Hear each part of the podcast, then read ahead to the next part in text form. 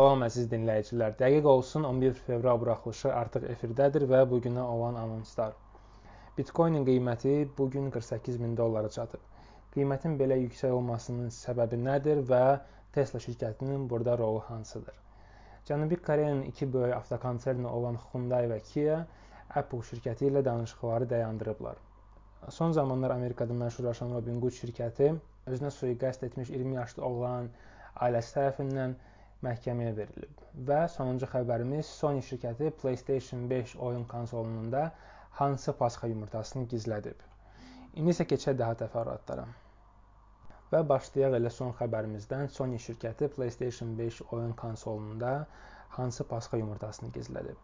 Ümumiyyətlə pasxa yumurtası nədir? Bu barədə kiçik bir məlumat vermək istəyirəm. Pasxa yumurtası ingiliscə easter egg Rusca isə pasxalka ya da pasxalna yayçı deyilən mediada olan bir konseptdir. Bu nədir və bunun mənası nədir? Çalışacağam bunu bir nümunə üzərində izah edim. Bu ümumiyyətlə vizual bir konseptdir və deyək ki, siz hansısa rejissorun iki fərqli kinosuna baxırsınız ya da deyək ki, hansısa bir Marvel ya da DC kino evrenindən iki fərqli kinoya baxırsınız və kinonun birində əvvəlki kino olsun ya da ki, sonrakı kinoda o biri kinoya istinad olan bir element göstərilir. Bu nə üçün edilir? Bu əsasən əyləncə xarakteri daşıyır, həm də izləyicilərdə daha çox filmini izləmək üçün, daha diqqətlə izləmək üçün, layihəliliyi artırmaq üçün istifadə olunur bu konseptdən.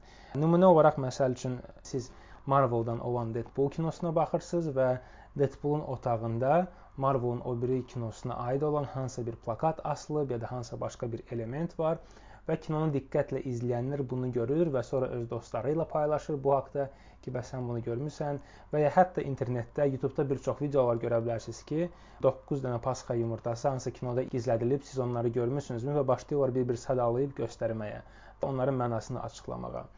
Söylədiyim kimi elə də olur ki, məsəl üçün bir kinoda növbəti kinolara bir gizli mesaj var, bir gizli nəsə baş verəcəyi barədə ya da təzə obrazların olacağı barədə bir mesaj gizlədilir.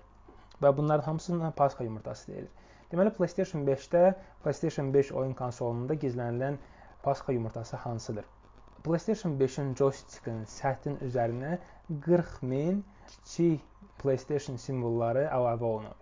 PlayStation simvolları dedikdə 4 bucaq, 3 bucaq, X və nolik və dairə nəzərdə tutulur. Bu hamımızın tanıdığı və PlayStation kim oynayıbsa, yəni PlayStation 1-dən bəri bu 4 dənə element joystickin sağ tərəfində var idi. İndi bu elementləri götürüb və joystickin üzərinə qravirovka olaraq 40 min dənə əlavə ediblər. Yəni insan diqqətlə baxmasa joystickin e, üzərinə və bundan xəbərsiz olsa, məncə heç zaman bunu görə bilməz. Çox maraqlı bir şeydir və bunun şəklini e, daha aydın izahı üçün Telegram kanalında paylaşacağam. Növbəti xəbərimiz Amerikada son zamanlar məşhurlaşan Robinhood şirkəti haqqdadır. Deməli bu şirkət Amerikada yaşayan istifadəçiləri üçün bir platforma yaradıb ki, istifadəçilər bundan yararlanaraq qiymətli kağızlar bazarında başqa şirkətlərin səhmlərini alıb sata bilirlər. Və bu alqı-satqı zamanı ya pul qazanırlar, ya da ki, öz pullarını sərmayə olaraq qiymətli kağızlara yatıra bilirlər. Hətta deyim ki, Robinhood şirkəti son 2-3 həftədə lap məşhurlaşmışdı, çünki Reddit sosial platformasında e, GameStop şirkətinin səhmlərinin manipulyasiyasında bir çox səs-küyə səbəb olmuşdu. E, bir zamandan sonra o öz istifadəçilərinə bu şirkətin səhmlərini alğı-satqısında limit qoydu və insanlar bundan çox məyus oldular və hətta Robinhoodu ban etməyə çağırırdılar. Əsas xəbərimiz isə Alex Kearns barədədir. 20 yaşlı Alex Kearns ötən ilin iyun ayında özünə sui-qəsd edib və bunda Robinhood şirkətini günahlandırıb. Deməli günlərin bir günü o öz balansını yoxlayaraq mənfi 730 min dollar balansında pul görüb və hətta bundan sonra Robinhood şirkəti Alex ilə əlaqə saxlayaraq ondan 170 min dolları yaxın gün ərzində qaytarmağı israr edib. Alex əlbəttə ki, buna inanmayıb və e, Robinhood şirkəti ilə əlaqə saxlamağa çalışıb, 4 dəfə şirkəti yığıb, yalnız heç bir operator cavab verməyib və Alex ancaq avtomatik cavabla kifayətlənməli olub. Və bundan sonra təəssüf ki, özünə sui-qəsd etmək qərarını verdi. Səhərsi Robinhood şirkəti onunla əlaqə saxlamağa çalışıb və onun heç bir borcunun olmadığı söyləmək istəyirmiş. Yalnız təəssüflər olsun ki, çox gec idi. Və buna səbəb olaraq Alexin ailəsi hal-hazırda Robinhood şirkətini məhkəməyə verib. Davam eləyək. Cənubi Koreyanın iki böyük avtokonserni olan Hyundai və Kia Amerikanın bir çox göstəricilərə görə ən böyük şirkəti sayılan Apple ilə birgə iş barəsində danışıqların dayandırdıqlarını söyləyirlər. Nəzərinizə çatdırım ki, Apple şirkəti növbəti 3-5 ildə maşın bazarına girmək istəyir və öz maşınını buraxmaq istəyir. Yalnız bunun üçün böyük infrastruktur tikmək istəmir, zavodlar tikmək istəmir və bu səbəbdən də istəyir öz maşınlarını Hyundai və Kia-nın hazır zavodlarında onların texnologiyaları ilə yığsın. Və çox güman ki, onlarda öz software, yəni öz proqramlarını, öz proqram təchizatını istifadə edəcəklər Apple şirkəti olaraq. Ümumiyyətlə söyləyim ki, Apple şirkəti son 3-5 ildə produkt krizisi yaşayır, məhsul krizisi yaşayır.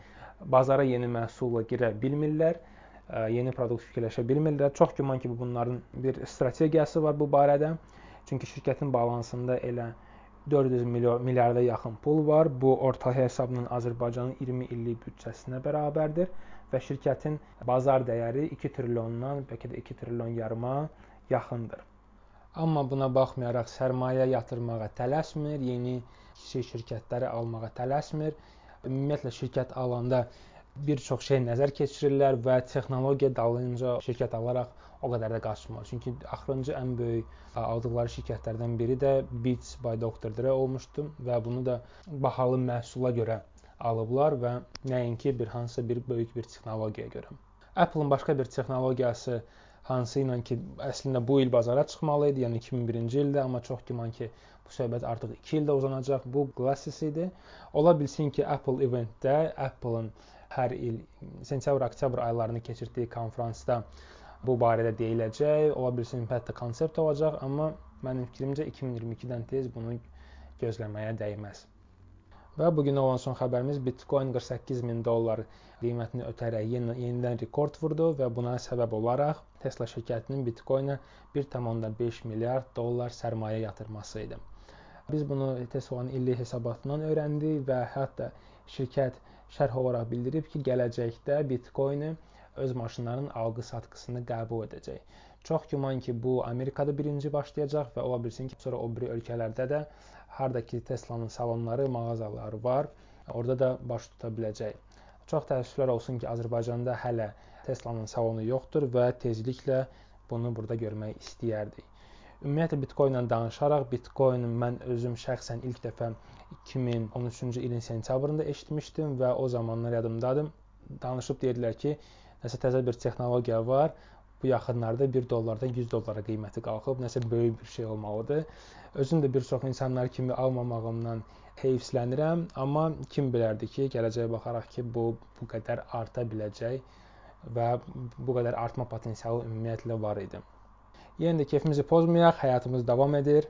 Dəqiq olsun bu günə olan xəbərlərini izlədiyinizə görə sizə təşəkkürlərimi bildirirəm. İzləyin ki, qaçırmayasınız.